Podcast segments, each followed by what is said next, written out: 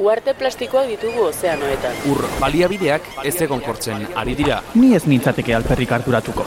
Fenomeno aislatuak dira. Bizioiturak eta herri egiturak aipatu izan dizkidate, zerikusirik balute bezala. Erleak kontserbatzeaz ere hitz egin didate. Baita ariztiak zaintziaz edo ezeguneak babestiaz ere. Eta ni, Nork babesten hauni. Mikroplastikoak elikadura katean sartu zaizkigu.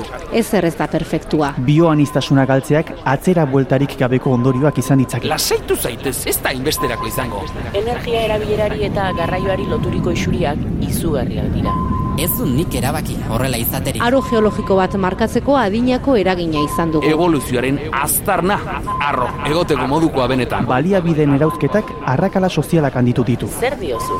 Nik ez dut alakorik egin. Eragindako inpaktuak direla eta muturreko fenomenoak ugaritu dira. Nire inguruan ez dut hori sumatu. Euri azidoa bertan da. Bizitzak aurrera, darrai. Bai? Ziur, Gelditu makinak. Gelditu makinak.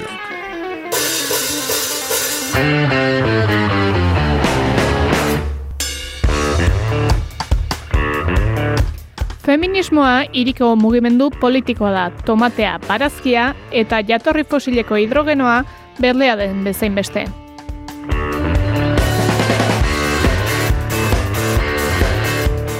Landa ere muetan ere ongi errotua dago feminismoa ikusi besterik ez dago garatzen diren dinamiken maila. Esaterako, aramaion, pasaberri den martxoaren lauan, agroekofeminista jardunaldia antolatu zuen bertako talde feministak.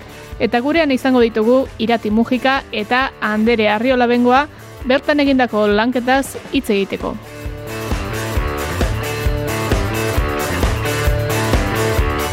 Herri txikiz, gaurkoan aramaiotik oiora eramango bai gaitu reas Nafarroatik gugana etortzen den pituk. Alegia, ekonomia solidario eta alternatiboaren beste adibide bat izango dugu, gure sustraiak etxalde inklusiboa ezagutuko dugulako.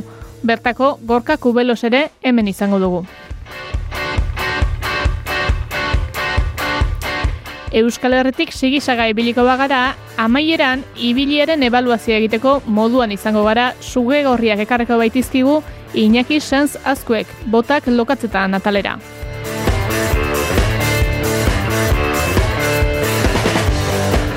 Erne ibili, gelditu makinak saioaren hirugarren denboraldiko hogeita laugarren atalean.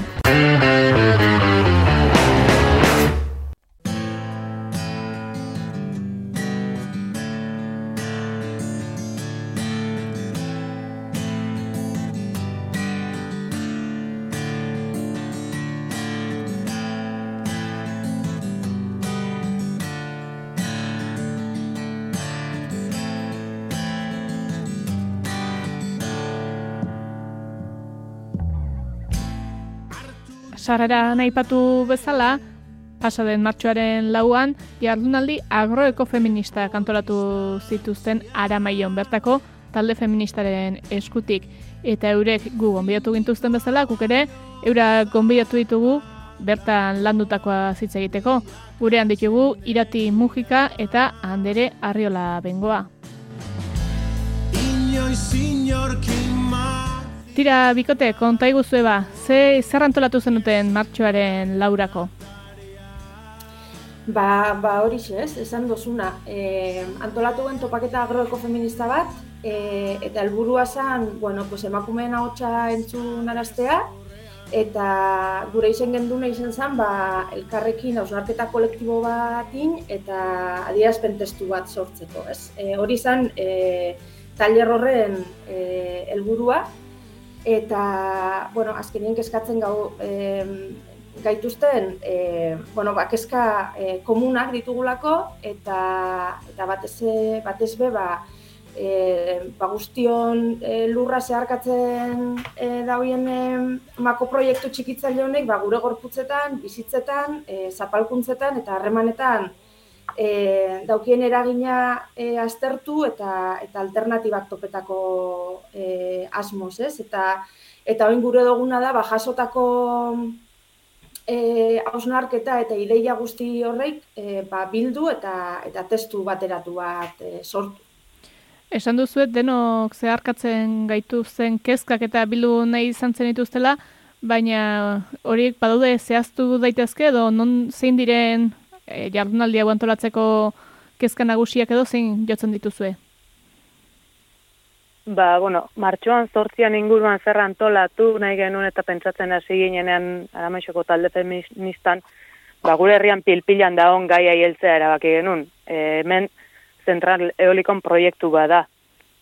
Baina, bakigu, ba, HTak ere aurretik zeharkatu gaitula, eta Euskal Herriko beste zenbait ere mutan ere, ba, momentu honetan Nafarroan ere HTan e, obren gaineko kezka eta lurren espropiazioak ematen nahi die, Gipuzkoako toki askotan ere zentral eolikoak aurrikusita daude, eta bestelako makroproiektuak ere, ba horren barruan e, ulertzen genitu nuk. Guk ba, izan lizke makrogranjak e, kaparroson, tomate hidroponikoak e, araban, e, kanbon ere ba, nekazal lurrak e, esplotatzeko eta eta nekazal lurrekin espekulatzeko ba, etxe bizitza proiektuak daudenak, eta bueno, guztiak poltsa berean, igual ezin dia sartu, baino guztiekiko kezka dagoela ikusten genuen gure lurraldean, eta orokorrean bez gaudela dos proiektu egin jatorrizko helburuakin.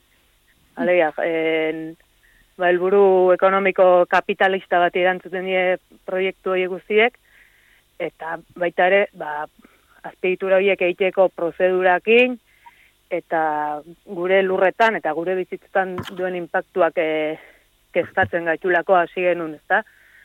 Aramaixoko talde feministako kide gehienak ba, ekologistak ere gara, eta naiz eta ez gehan, e, inoiz nekazaritzatik bizi izan gu pertsonalki, ba, hortik agromunduktik oso gertu gaude, eta nahi genuen e, gai hauek ikuspegi feminista batetik lantzea. Feminismoarekin batera, e, ba, dekolonialitatea, desazkundea, energia buruz jabetza, eta bueno, ikusten genuen emakume gehiore egon zetezkela gai hauekin kezkatuta, eta ba, elkarlanean, e, elkarlanerako espazio bat e, zabaltzeko behar hori ikusi genuen. Hmm. Mugimendu ekologistan eta mugimendu feministan ere, ba, txertatzen juteko beste begirada batzuk landa ere mutik. Ba, hori dela eta Aramaion antolatu zenuten eta Aramaiotik abiatu zen, baina Euskal Herri osora zabaldu zenuten deia, horrez gain badakizue, ea baote dagoen ba, gaieko sozialekin kezkatuta dauden emakume ekologista eta feministak saratzeko bestelako ekimenik baote dagoen, hau den lehen nola baduzue horren berririk? Ba, e, egiz esan, e, aramaizun, e, bueno, behin e, hausnarketa akabaute, e, balorazioek eskatu gitxuen, ez? E, bertaratu ziren emakumak, ba, ba, e, zelan ikusi habien aramaizun antolatutakue, eta zelan kokatzen habien horren buru horretan, ez? Eta harritxu gintzuen, ze geixen errepikatu zen azan, e, falta ziela olako espazioek, hau da, feminismoa eta ekologismoa bisak, e, ustartzen dituen e, bueno, e, mugimendua edo edo sari, ez?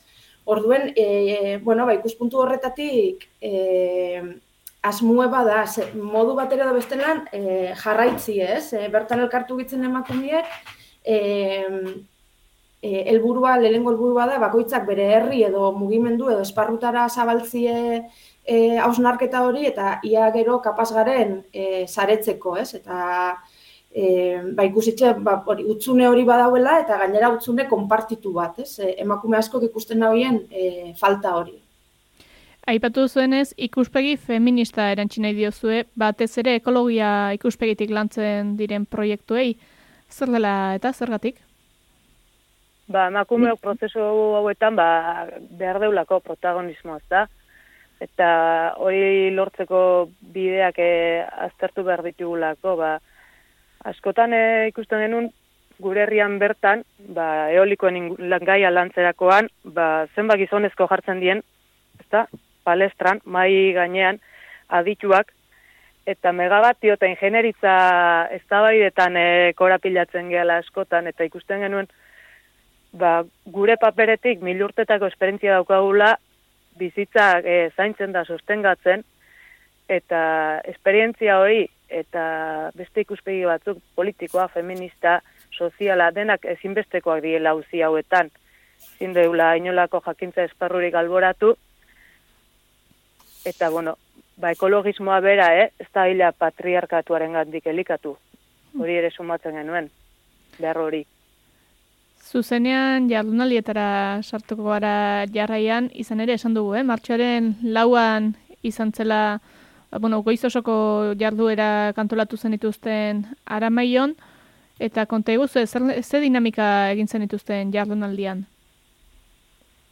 Ba, lehen zatian, e, aurkezpenetarako izan zen, guretzat oso garrantzitsua zan une hori, elkar ezagutzeko eta saretzeko helburuare bazulako egun horrek, eta bueno, eskatu genion parte hartzaile bakoitza izta, mendi eta ibai artean, mapa batean bere jatorria edo bere kokapena e, aurkezteko beste taldekideoi, eta beste motivazioak eta bakoitza ezta, zer kekarri naguna galderarien erantzunez ere, ba, parte hartzaile bakoitzak ere bere burua kokatzeko ba, aramaiora nondik heldu zen eta elkarren berri hobeto ezagutzeko ba, sare horiek sortzera bidean.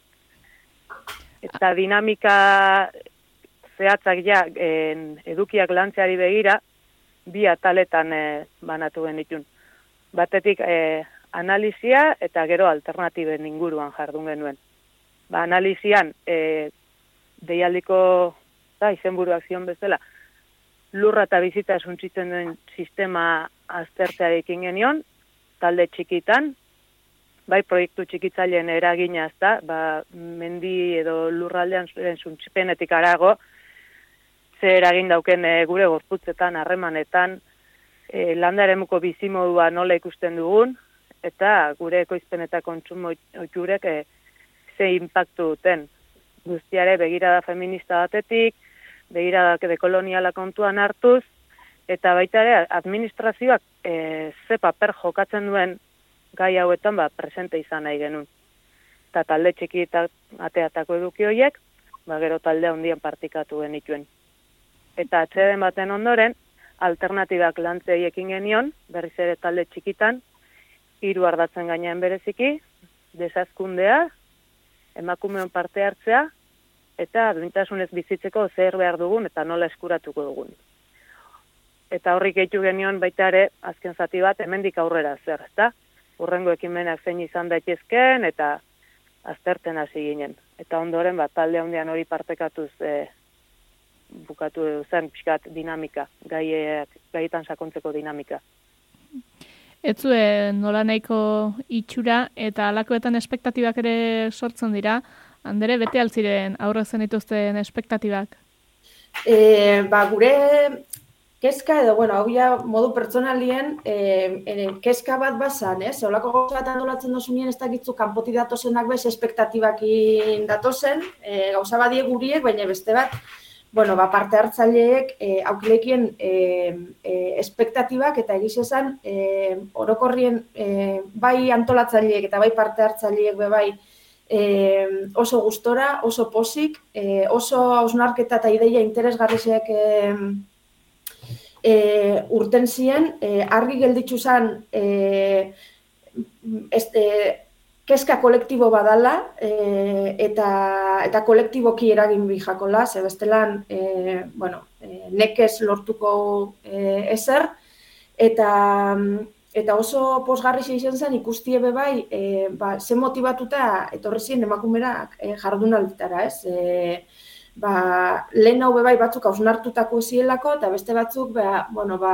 beraien gordinien eta egunerokotasunien bizi da bielako, ez? E, e, ba, makroproiektu honein e, e, eraginek, ez? Bai, bueno, gainera oso aberazgarri izan, ba, entzutie be bai, ba, kostaldekuek, ez? Arrantzan inguruen berbetan, e, gu igual e, ba, mendi ez, landagunetako ega eta e, urrutik gelditzen jaku, baina Baina, oso berazgarri da, beste batzun errealitateiek e, entzuti, ez? Eta orduen ba, e, ia saretzen garen, ez? Ia lortzen dugun benetan e, saretzi eta ba, gure lurran defentsan, ez? Lotutako, e, horrekin lortutako ba, dinamikak eta e, plazaratzi eta gure presentzia, ez, emakumeen presentzia e, e, areagotzie hortan, ez. Eta, eta bueno, e, hortan jarraitzuko hori da helburua. Horiek espektatibei da zeuzkienak eta irati, zuk jardunalditik zerbait nabarmenduko altzen nuke bereziki?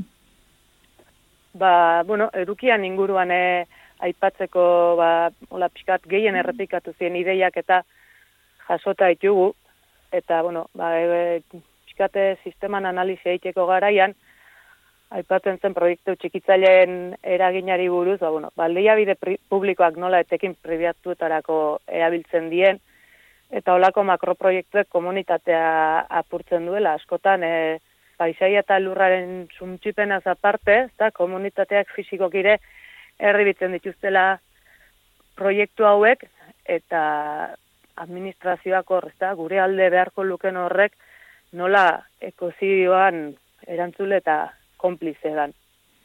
Eta landa ere emuko bizimoduak in, e, azpimarratzen ideia nagusi bat bazen, despoblazioa plan bat dala nola baite, da? landa ere emuko desplazamenduak e, bultzatzen diela, baliabide sustuz e, herri txikiak eta loiteko bihurtuz, eta hori nola bai lotuta dau, ba, bueno, ondoren ez da, lurroietan, espekulatzeko eta, eta multinazionalen eh, dirugozea asetzeko proiektuak nola lurreratzen dien. Eta gure ekoizpen eta kontsumo ereduan, ba, zen oso ideia polit bat, nola, nola desbinkulatu behar ditugun, ba, kontsumoa eta zoriontasuna. Eta gara hontan ez da, kontsumoak zoriontsu egiten gaitula ematen du batzutan, hori dela gure ongizateko oinarrizko zea, behar bat kontsumitzea, eta bueno, nahiak eta beharrak ezberdinak biela, aipatzen zen adibidez.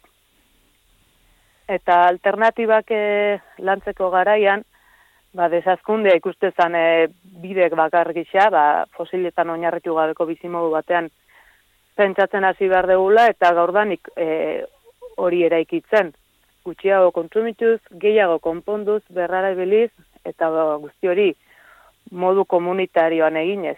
Eta komunitateak indartzea, bai izan zen, e, behin da berriz errepikatu zen e, ideia bat, emakumen parte hartze espazioak zabalduz, e, asunarketarako eta baita transmisi, transmisiorako espazioak zabalduz ere, eta bizitza duinak, da, nolako bizimodu duina nahi dugun, ba, behin eta berri zerrepikatzen horre ere denbora behar dugula, eta emakume pobrea garela denboran, lanaldi bikoitza eta irukoitza egin behar dugulako askotan, eta ezinbestean bizitzeko eta bizitzak sostengatzeko behar duen hori jarri behar dela erdigunean, eta ez e, kapitala eran beharrak, beraz, nolabait beharren piramide horri buelta eman behar diogula buru jabetza landu alizateko esango dugu jardunalditik astebete eskaz besterik ez dela pasa eta eta agian eduki guztiek, bueno, ba,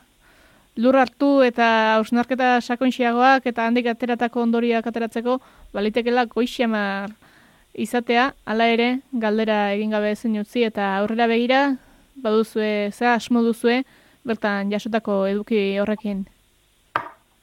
Ba, lehengo lehengo lehen esan duguna, ez? Lehengo helburua da ateratzi testu bateratu bat ideia guzti horreikin eta bai e, mugimendu feministan eta bai mugimendu ekologistan e, partekatzie, ez? E, ataratako e, tailerretan urtendako ideia eta hausnarketa danak eta eta aurrera begirabe, bueno, proposamen batzuk e, urten ziren, ez? E, bueno, alde batetik e, masa kritiko bat sortzeko e, bierra eta eta bueno, badakigu holan, ez? Beruen eta gazenien e, e, saretute eta elkarrekin eta ba, ba bai e, mai gaineratu zen, e, ba, olako topaketa handixa hauek, ez, Euskal Herri mailako ba, topaketa potenti hauek e, itzeko e, bierra, eta ikusiko hori zertan gelditzuko dan, baina, bueno, printzipioz, e, lehenengo e, kalendari zuen bai markaute daukun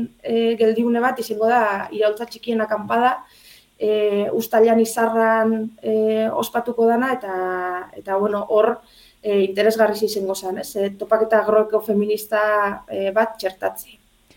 iraultza txikien akampada e, aipatu duzuen ezkero, kaldutu behar nizuen, e, ea beste jardunaldirik buruan duzuen, baina behizkota iraultza txikien akampada duzu bera, zer ze asmo duzu bertan?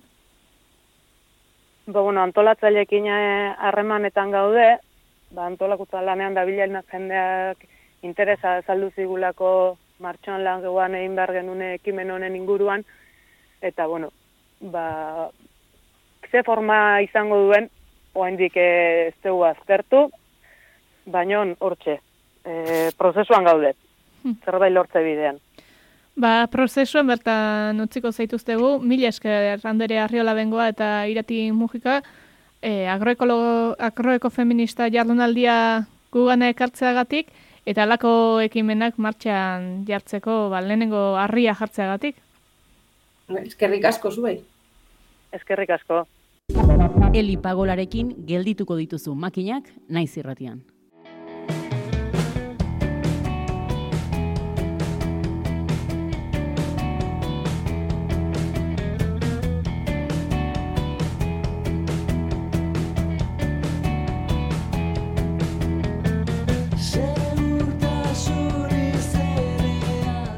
Ekonomia alternatibo eta solidarioak helburu du behar sozialak arlatzi izango dituen ekonomia bat sustatzea eta horretarako han hemen badaude elkarte, kolektibo eta bestelako egiturak. Duela aste batzuk ezagutu genuen Pitu Reas Nafarroako komunikazio arduraduna eta aipatu genuen nola ekarreko dizkigun bestelako ekonomia batean egituratu asmo duten proiektuak. Gaurkoan ere hemen dugu, ongi etorri Pitu. Kaixo, egunon. Tira, aurrekoan, aislanat isolatzaile ekologikoak ekarri zen izkigun, izan dugun giroarekin bat baina gehiago akordatuko zen zuetaz gainera. Hala ere, beraiek berien jendute aislaneteko egoitza, eta oraingoan ipar mendebaldere xeago joko dugu, iruñatik hogei bat kilometrora dagoen, olio herrira zuzen. Zer proposatu nahi diguzu bertatik pitu? Mm, hori da, oio, oio, ba, bueno, guretzako ere, igual ez da baiara oso ezaguno, oso ezaguna, oio, oio arana, baina handago kokatua gure urrengo entitatea, gure sustraiak izenekoa, 2002an e, e, 2002 garren urtean e, sortu zen, e, oioko e, ba, oion baserri eskola e, zera e, kudeatzeko edo, edo sortzeko, eta bertan jasangarritasunaren dako eskuntzan e, inguruko jarduerak e, eskintzen hasi ziren. 2008an e, langileak e, partaide egitea erabaki zuten eta kooperatiba soziala e, sortu zuten. Ezen, esan bezala, oio herrian kokaturik e, dagoen e, kokaturik dago baserri eskola hau eta han jasangarritasunen dako eskuntzako jarduerak e, egiten ari dira. Eta esan behar da, hortik e, pasatzen direla urtero milaka ikasle eta desgaitasunak dituzten pertsonak ere. Eta, bueno, gaur gurean, ba, baserri eskolako honen e, langile bat e, dugu. Hori da, gurean dugulako, bertako hezkuntza eta turismo alorraren koordinatzailea, Gorka, kubelo, songietorri zuri ere, Gorka? Eskerrik asko egun on guztioi. Ado saltzaude e, pituk egin duen deskribapenarekin edo zerbait gaitu nahiko zenuke ea zerrotu den gure sustraiak proiektua? Ez, oso azalpen eta aurkezpen polita da eta funtsian jasotzen du pos, hogeita bat urte hauetan no, e, gure sustraiak eduki duen e, ibilbidea. E, eta bueno, elkarrizketan zehar, ba, txetasun gehiago emango ditugu, pixka bat e, deskibatzeko pos, nolakoa izan den ibilbide hau baina aurreko elkarrizketarekin lotzeko, ba, esan beharra dago, eta hau da, pues igual, reasen barruan e, lantzen saiatzen garen e, gauza polit bat da, gure arteko harremana eta gure artean ere ekonomia egitea, ba, justo, ni horrentxe kokatuten nagoen aterpetxe ez horren berria, baina bueno, guk egin genuen aterpetxea eta gero hauen ezaguarriak azalduko izkizuet, bertako bertan ari lanatek e, lan egin zuen eta gure paretak beraiek landutako e, ba, zerulosarekin betetak daude, orduan hemen bero-bero gaude e, beraiei esker, aiz lanateko esker. dena etxean geratzen da, beraz.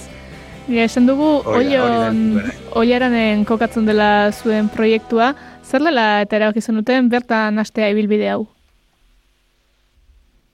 Bueno, bilbide honetan, e, bueno, bi pertsona hasi ziren, bi lagun, bai, e, 2002an martxan jarri zen proiektua edo, baina, bueno, 2000 batean, 2000 be, aurreko mendean, e, bueno, hasi ziren ja indarrak batzen, eta, bueno, bi lagun hauek, e, base- batez ere, bere ideia zen baserri eskola bat e, kudeatzea, ezta? Eta beraiek barnean zituzten balore horiek, baserri eskola baten bitartez, lantzea.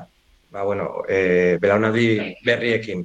Orduan, e, proiektu bat e, egin zuten, unibertsitatean, biologia ikasle batzuk e, e, osatu zuten, eta proiektu hori garatzeko Zedernaga lurren bitartez, ba, el, kokapen desberdinak mm, ikusten hasi ziren. Orduan, e, gu, aukera guztien artean, oiokoa e, aurkitu zuten. Momentu horretan, oioko ostatua bukatzea zegoen, bertakoek, e, ba, konponketa batzuk egin zituzten, etxe bat e, erdi eraiki, eraikitzear zegoen, orduan bat egin zuten bi pertsona, bi lagun hauen proiektua, bizi proiektua, Pedro eta Raulen bizi proiektua, oioko e, herritarren zaukaten beste proiektu batekin, beraiek e, eskola zaharrak ostatu batean e, bihurtu nahi zituzten. Orduan, Pedro eta Raul eta lagun pilo bat, ba, urte erdi batean, bueno, ez gutxiago, lau bost hilabetetan obra potolo hori bukatu zuten, eta duela ez asko izan zen hogeita bat garren urte urrena, ba, a, otxelen hogeita iruan, alegia, e, ateak ireki zituzten. E, oioko ostatua, gure sustraiak aterpe ostatua, bere ateak ireki zituen, eta hasi ziren hori ba, ostatu eta jatetxe bat kudeatzen. Eta hortik aurrera, ba, orain arte, hogeita bat urte eta gero daukaguna sortu, sortu da, lagun, esku eta pertsona askoen indarrarekin. Hezkuntzan zentratzen zaretela ere aipatu dugu, hala ere, bueno, zenbait proiektu badituzue eta kontatuko alde guzu, zein da gure sustraiaken izate arrazoia edo ze helbururen atzetik zabiltzatete gaur egun? Mhm. Gure sustraiak eh, ere izena, bere izena aukeratzerako momentuan, ba, hori, hori barneratuta zegoela argi dago, ez? Gure sustraiak pixkat bere helburua beteanik izan da, ba, gure arbasoek, gure itonamonek, eh, inguruarekiko eta naturarekiko zituzten har- harremanak, mm, ba, errekuperatzea eta belaunaldi berriei erakustea eta praktikara eramatea zuen helburu. Orduan, beti eh, es- hezkuntzaren munduan lan egiteko ba, grin hori edo joera hori zegoen. Ba, ostatuak kudeatzen hasi ziren bezain pronto, gutxira ja eh, eskola eh, eskola txiki bat, e, basier eskola txiki bat eh, egin zuten, herrian bertan kokatuta zegoen la, larre batean, bere eskutxekin, oilotegi bat zegoen, ba, bueno, pues, ikulu bat antolatu zuten, gero antzarak e, lasai eta guztua ebiltzeko aintzira txiki bat, e, baratza, txerritokia, eta hor hasi ziren ba, eskola taldeekin lan egiten. Mm? Hori izango zen 2002an edo 2004an. 2005ean, bat batean, pixka bat eh, bilatu gabe, e, ba, pixka bat adimen urritasuna duten pertsonen munduan e, sartu ginen, sartu ziren bere garaian zeudenak. Ba, e, adimen urritasuna duten pertsonek e, e, zentro batetik harrematan jarri ziren eta eska, eskaera bat egin zieten ba, udako kanpaldi batzuk kudeatzeko. Bai, e, pertsona hauek behar bat zuten, aisialdi eta denbora librea garatzeko leku bat behar zuten, bere oporrak disfrutatzeko leku bat behar zuten, eta hauek, pues, bueno, es, esperientzia bat zuten, ba, beste aurreko esperientziak zituzten, baina, bueno, esan zuten, venga, postu egin zuten, eta hor beste bide bat ireki zen. Hortik aurrera, bueno, pues, e, kanpaldi horiek, egonaldi horiek, e, urtean zehar zabaldu ziren, zeren, bueno, pues, ohartu ginen, ba, guk lan egiteko, gure lan egiteko modua, e, animaliekin, inguruarekin, e, natura dituen estimulekin, e, lan egiteko modu hori oso nuragarria dela pertsona guztieta, guztientzat, eta batez ere, ba, hezkuntza behar berezia duten pertsona hoientzat. Orduan gero, ba, formatzen, ikasten e, jarritu genuen, eta guk e, gure egunerokoan egiten genituen gauza hoiei izena jarri jartzen hasi ginen, e,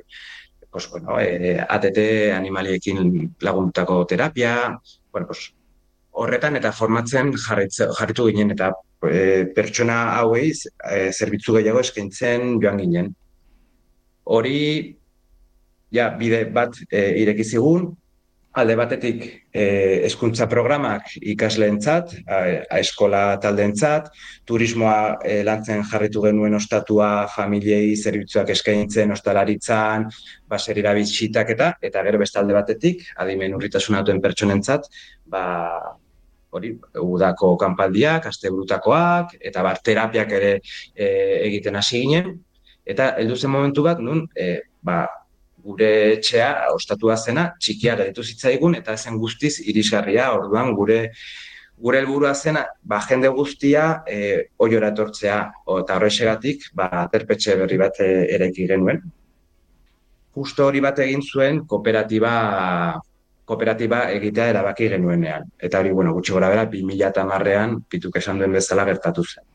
Aipatu dituzun gauza hori guztiak egon gara pixka bat zuen web horrian begira, baduzuelako gureko sustraiak ere baduelako bere web horria, eta lau zehar lerro nabari dira bertan, aipatu dituzu, baina ingurumen hezkuntza, turismo irisgarria, gizarte zerbitzuak eta isialdi terapeutikoa izan daitezke nola baita izendatzekotan, eta hala jartzen dituzue, Denetan ere, natura eta berarekin dugun harremana duzu erlatz.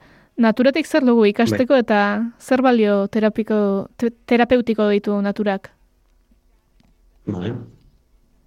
Ba, alde batetik, estimuluak. Estimulo pilo bat ditu eta gure zentzu guztiak lantzeko aukera ematen ematen digu.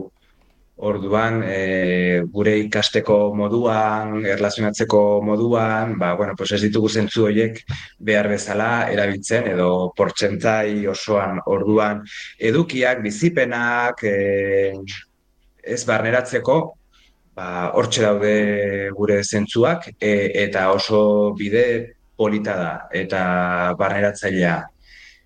E, gero, osasunaren aldetik, ba, naturak den dena eskaintzen digu gure bizitza posible egiteko. E, orduan hori ere, horretaz ere hartzea eta behintzat e, e, ba, bueno, hori bergo gora aztean oizean bin ere, ere garrantzitsua da.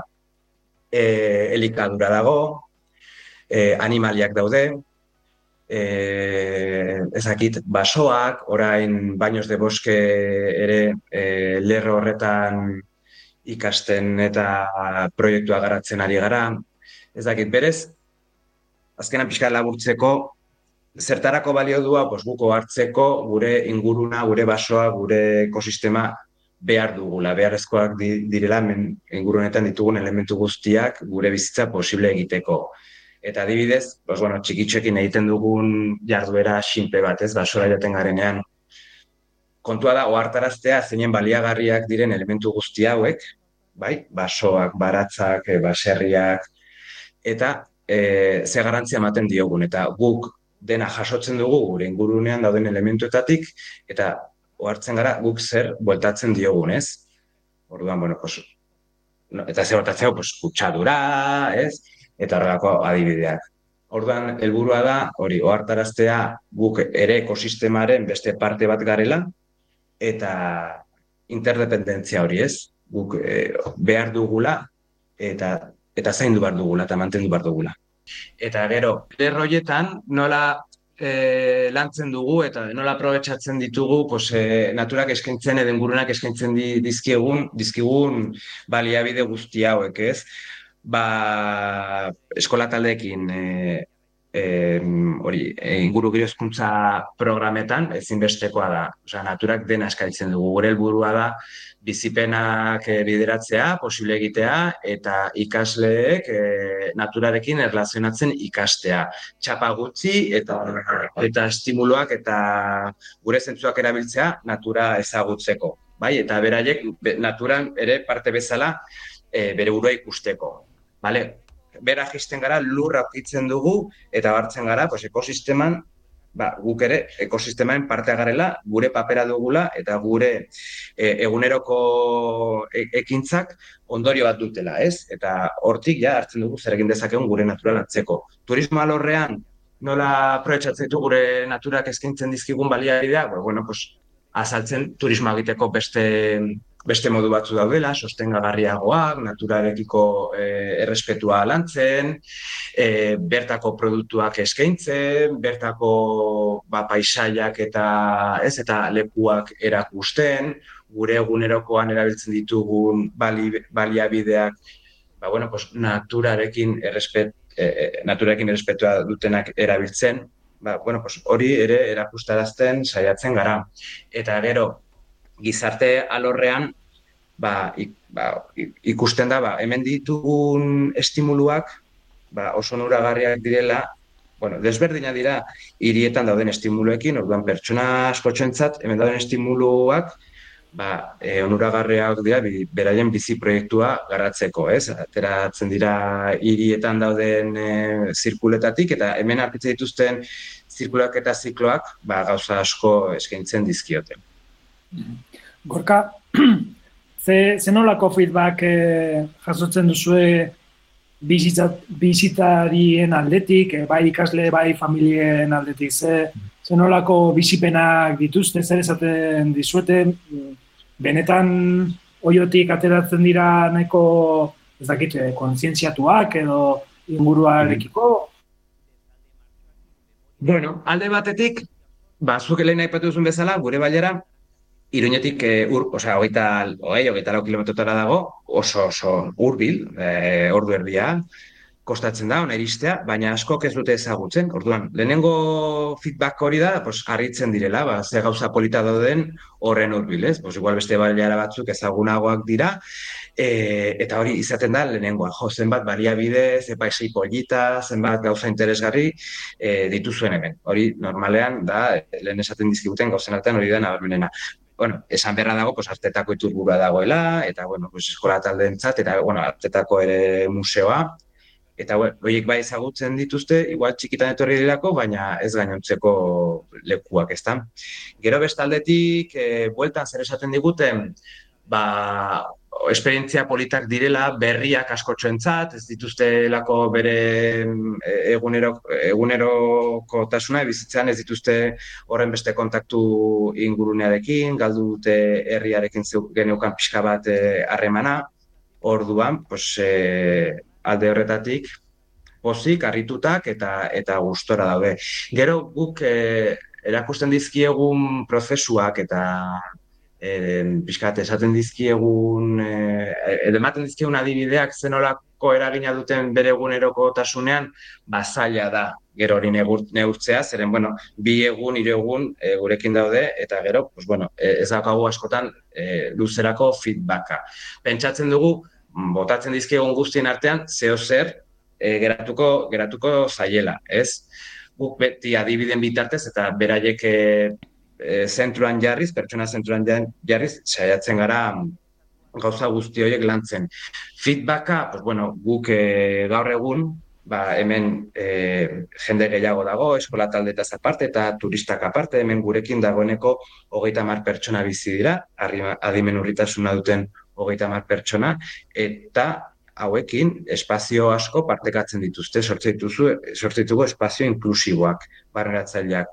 Orduan, alde horretatik ere oso feedback polita daukagu, ez? Oso gustora daude, eta, bueno, pues, e, igual, ere eguneroko eta bere eguneroko ez daukate pertsonagokin egoteko aukera, eta, eta, eta polita da, momentu politak sortzen dira, eta pues, bueno, um, gauza anitzen aberasgarritasunaz ohartzeko ere aukera, aukera polita da.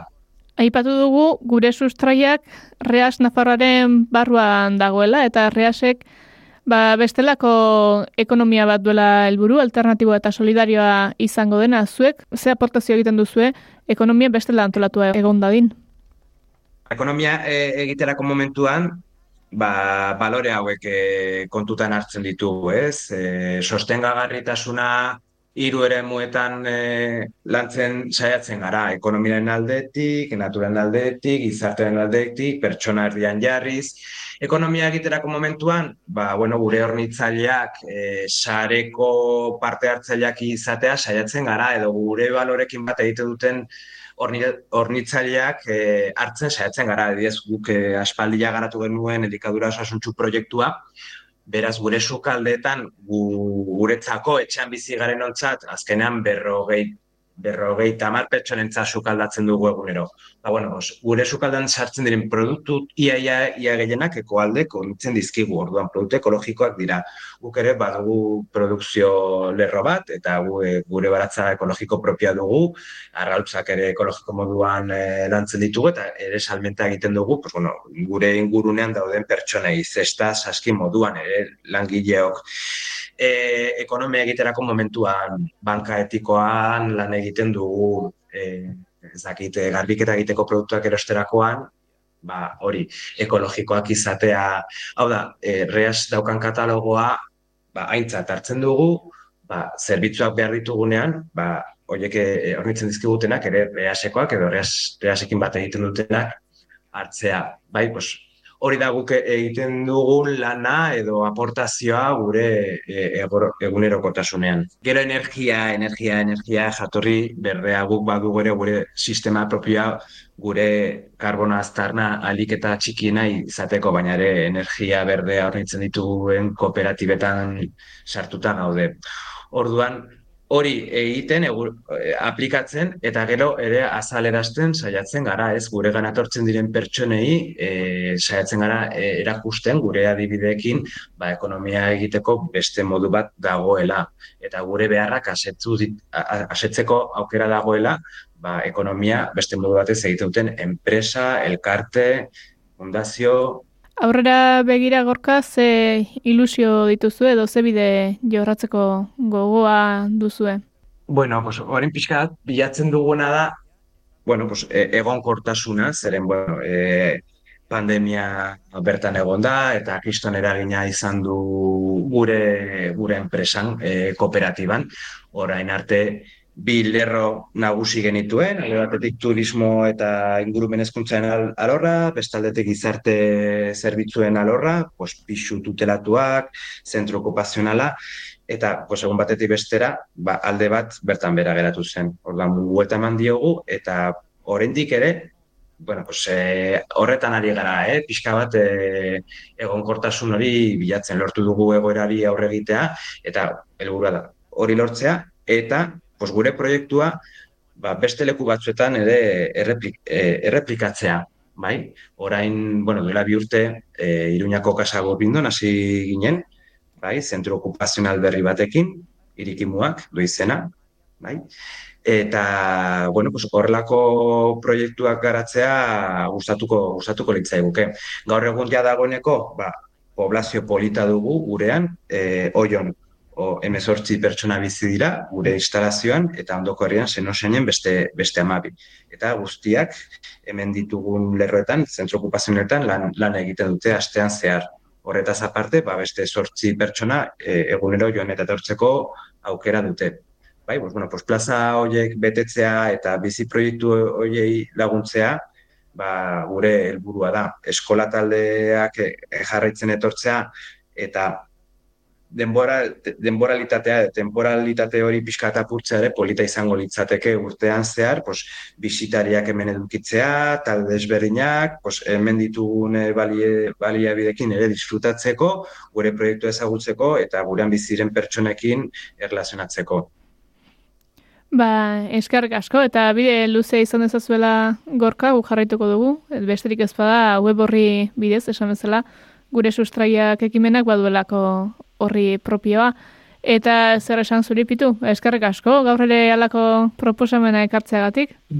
Bai, be, askotan esaten dugun bezala, e, bueno, etorkizuna edo gauzak aldatzeko e, zaiakera horretan oinarria hezkuntza da, ekonomia solidarioak eskaini nahi ditu ere horretarako baliabideak eh, hezkuntzan eragiteko, kasu honetan ba, beharrezkoa dugu transizio ekologiko horretan eh, eragiteko edo hori gauzatu alizateko, oinarri oinarrizkoa da eh, hezkuntzatik eh, eragitea eta gure sustraiak ba, adibide ezin hobea da e, bide horretan, ez? Eta ba, gorka eskerrik asko, eta baita ere Elizabeth zuri, Eli, eskerrik asko ba, aukera emateagatik.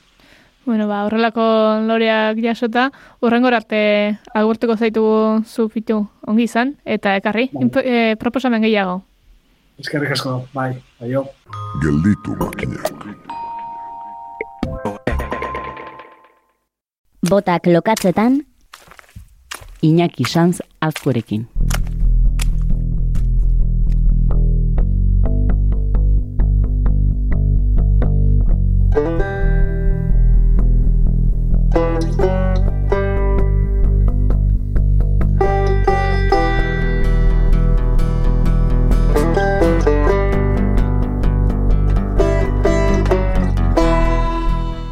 Egonarri ikaragarria du bezi, begi ezin zorrotzagoa, basagune ditu etxetzat eta zueltzerako bera hor dago.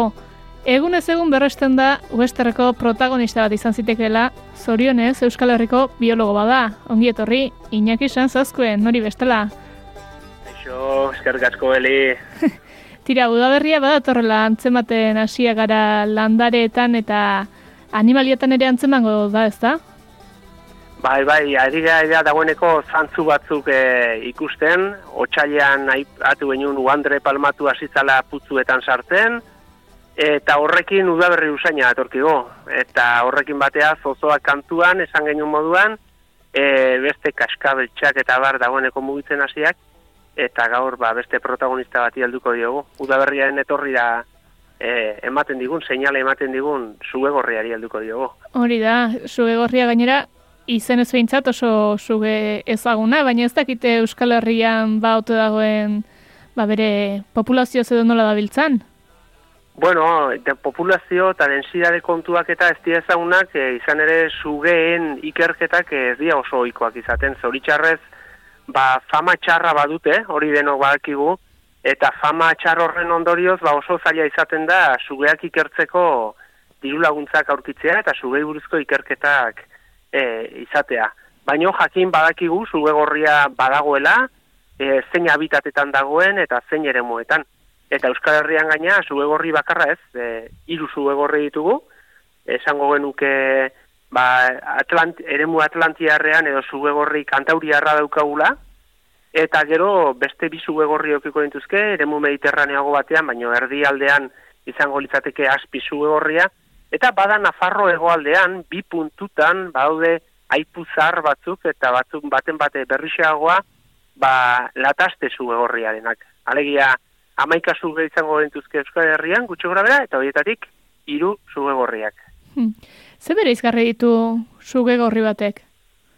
Ba, sugegorriak bereizteko edo gainontzekoekin alderatzen, ba, alde batetik gorputza begiratu beharko nuke, ez? Gorputza txiki txamarra izaten du, metro erdi ingurukoa asko jota, gorputz sendoa izaten du, potolo xamarra eta izatxa ordea segituan e, zehatzen dena, estutzen dena, eta gero badia bi ba, bereizgarri edo oso nabarmenak, baino batek baino gehiago parra egiten duna esaten diogunean, ez da? Izan ere, e, sugegorriak ondo bereizteko, Euskal Herrian ondo bereizteko gainontzekoetatik, begiratu behar da begininia. Alegia, sugegorriek begininia vertikala daukate, eta gainontzekoek borobila izango luke, lukete. Baino, esan duten moduan, ba, jendeak esaten dugu, karo, eta hortarako zein bardez, zenbateraino gerturatu garten dik sugegorrira, ez? Eta bada beste bereuzgarri bat askotan ezan aipatzen, baino da eskatak dira. Eskatek e, burua, buruko eskatek suge horrietan korputzekoen tamaina beretsua izaten dute. Eta gainontzeko sugeetan ordea buruko eskatak korputzekoak baino handixeagoak izaten dira. Orduan, ezaugarri bereizgarriak badaude, bai badaude. Eta nahiko nabarmena dira, bai, baina begia ere beti esaten dugun bezala heli, nik usteet astero, astero, hilabetero, hilabetero aipatzen dugula begia zorroztu egin behar. Eh? Bai, begietara begiratu behar gaina suge honi. Aipatu zu. Euskal Herrian hiru ditugula, e, aipatu dituzun hiru ezaugarriak hiru horiek betetzen dituzte edo euren artean ere badute desberdintasunik? Bai, bueno, ezberdintasuna izango litzateke batetik eremuak berak esango liguke e, bakoitzan undagon kokatua, ez? Esan detena, Mediterraneo inguruan azpizu egorria izango litzateke arruntena, eta gero lataste zu egorria dagoeneko ba, pentsa, ba, barde inguruetan eta eremu oso oso lehorretan. Eta ordea, ba, itxaso aldera begira, ba, zu egorri kantauriarra, ez? baina beizgarrietan ere badaukate, ba, muturraldean ikusten da, e, zubegorri kantauriarrak izango luke muturra edo ba, e, zapalagoa, gero azpi zubegorriak ba, pixka bat puntiadunagoa, olako konkorrantzeko bat esango nuke puntian, baina batez ere nabarmena da lataste zubegorria. Lataste zubegorriak muturrean konkortxo badauka, ezkata gutxi batuz osatu da, eta eta bueno, kasu batzuetan oso nabarmena izaten da konkor hori. E, zuri entzun izu gainera nahiko etxezuloak direla sugegorriak, ezta? Aldiro eremu igualtxuetan ibiltzen direla. Bai, hori da, territorialak edo esaten eguna dira, eremu jakinetan egoten dira, e, beti antzeko eremuan edo topatzen ditugu, eta, bueno, hauzko ondaretik tiraka ere, ba, esan izan da, ez, guri esan izan digute, ba, urumea inguruan adibidez, ba, sugegorria beti sagasti batean, sagarrondo jakin baten e, enborraren azpialdian, ipurdian topatzen zutela urtero, ez? Eta urtero urtero eremu berdintxuan, ez? Orduan, bueno, izan daiteke adibide ba, jakin bat, edo adibide garbi bat, esateko, ba, sugegorria ere gustatzen zaiela, eremu jakin batean egotea, e, asko mugitu gabe alegia. E, sugegorriak e, zergatik ateratzen dira orain martxoan edo aipatu dugu lehenengotariko sugeak direla, orainik ez dela suge garaia hasi behintzat, zer dela eta mhm. da sugegorria martxoan ateratzen den horietakoa? Bueno, pentsatu behar dugu sugegorria badala suge mota bat e, ohituta dagona temperatura basuetan aktibo egotera, eta orduan, ba, bueno, martxoan edukitugu e, otzegunak, e, aurreko hotzegunak, baina bain pixkanaka pixkanaka temperaturak igotzen dijo aztenean, ba sugegorriak ere topatuko du bere temperatura optimoa, alegia bero asko izan gabe, temperatura epelak edo epel bero xamarrak dianak, eta hortxe hasiko da ateratzen gainontzeko sugeek oraindik ba, ba gordetzeko joera izango dute, dia usartuko ateratzea, baina sugegorriak bai. Gero ordea udan aurrea, udan aurreagoa zenean, edo udaberrian aurreagoa zenean, konturatuko bera sugegorriak man bere gustokoak dituen temperatura horiek izateko, ba, aktivitatea egunean zerrere aldatu egiten dula. Alegia, zuegorria noiz topatuko dugu eguneko lehen biziko orduetan. Temperaturak e, suabeagoak dian horietan, edota arratsaldeko, ja, arratsaldetik gau alderako horietan. Pero zapa handia dago neguardiko orduetan ez dugu topatuko normalian zuegorririk. Ez baldin bada, ba, gordeta egon dala eta momentu ben batean ateratzen dela. Ugalgareia inaki noiz izaten dute zuegorriak? Ba, orain hasiko dira, martxotik aurrea, ugalgareia ba, apirila, maiatza inguru hortan izango dute, eta orain ikusiko ditugu, bueno, ugaltzen, eta ugaltzeko garaian, gaina badute gero ezaugarri berezgarri bat, zan ez, uge guztiek izaten dituzte, olako arrautze, arrautzak izaten dituzte, nahiko bigunak, baina kasu honetan zuge horriak e, kumiak zuzenean izaten ditu. Eh? eta ordu hori bada biologiaren berizgarri bat gainontzeko zugeetatik. Hori ordea ikustea zailago izaten da, eta horregatik ez dugu ematen beste zugeetatik bereizteko ezaguarri moduan. Eta ikusteko zailagoa izango da hori, baina sugegorriak ikusi ikusten dira, ikusten dugu, bat ikusten dugunean zer egin beharko genuke?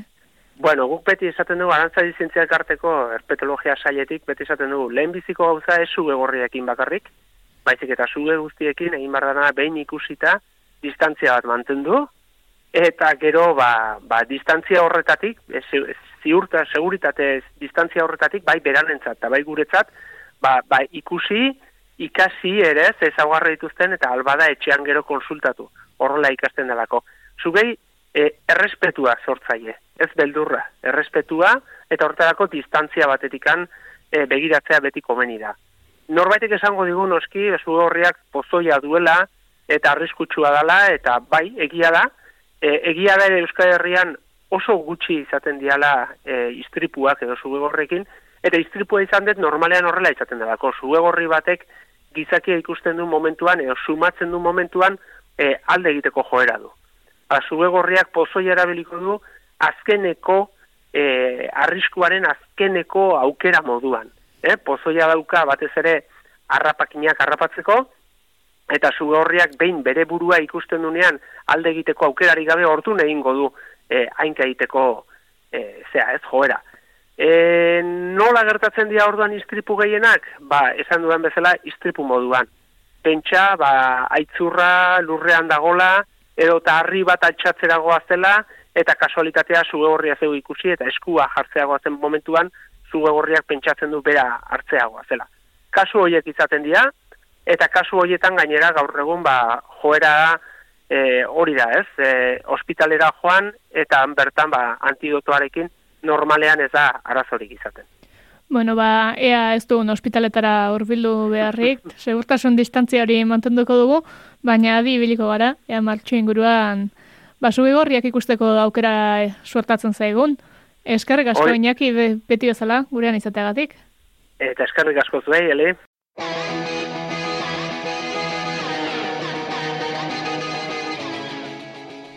Horrela xeen, txule, honekin osatuko dugu irugarren denboraldiko bigarren dozena. Hori bai, zerrekarrerik falta ez denez, datorren astean hemen elkartuko gara. Ongi izan!